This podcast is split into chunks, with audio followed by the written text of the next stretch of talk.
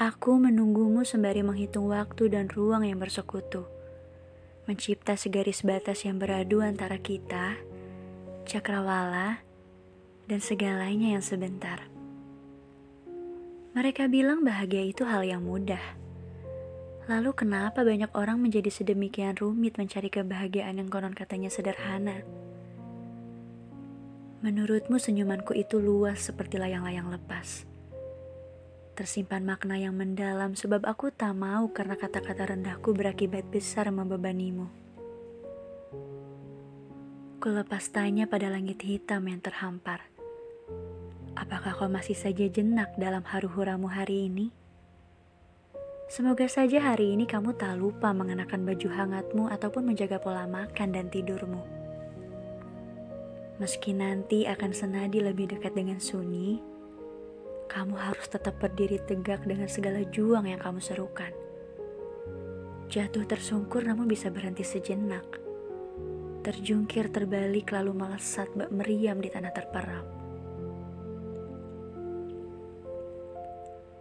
Aku memang tak seanggun wanita dahayu yang senyumannya juwita tapi soal merapal doa selalu kuserukan agar kau semakin pandai untuk berbahagia serta mulia. Demi tubuh yang pernah kupinjam peluknya, terima kasih telah memberikan setitik nyawa pada Atma yang mati, atau memberi arti pada luka yang lara.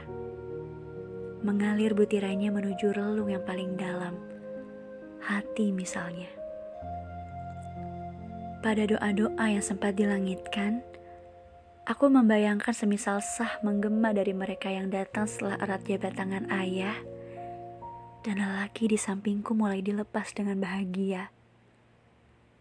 Lamunanku seketika tersadar, mahligaimu bukan lagi kuasaku. Kau ajak aku melayang di antara mimpi tentang masa depan yang entah dari kapan kau mulai hancurkan itu secara perlahan. Banyak pasang mata saksinya bahwa aku ingin tinggal bersamamu lebih lama dari segalanya. Tapi mungkin memang benar.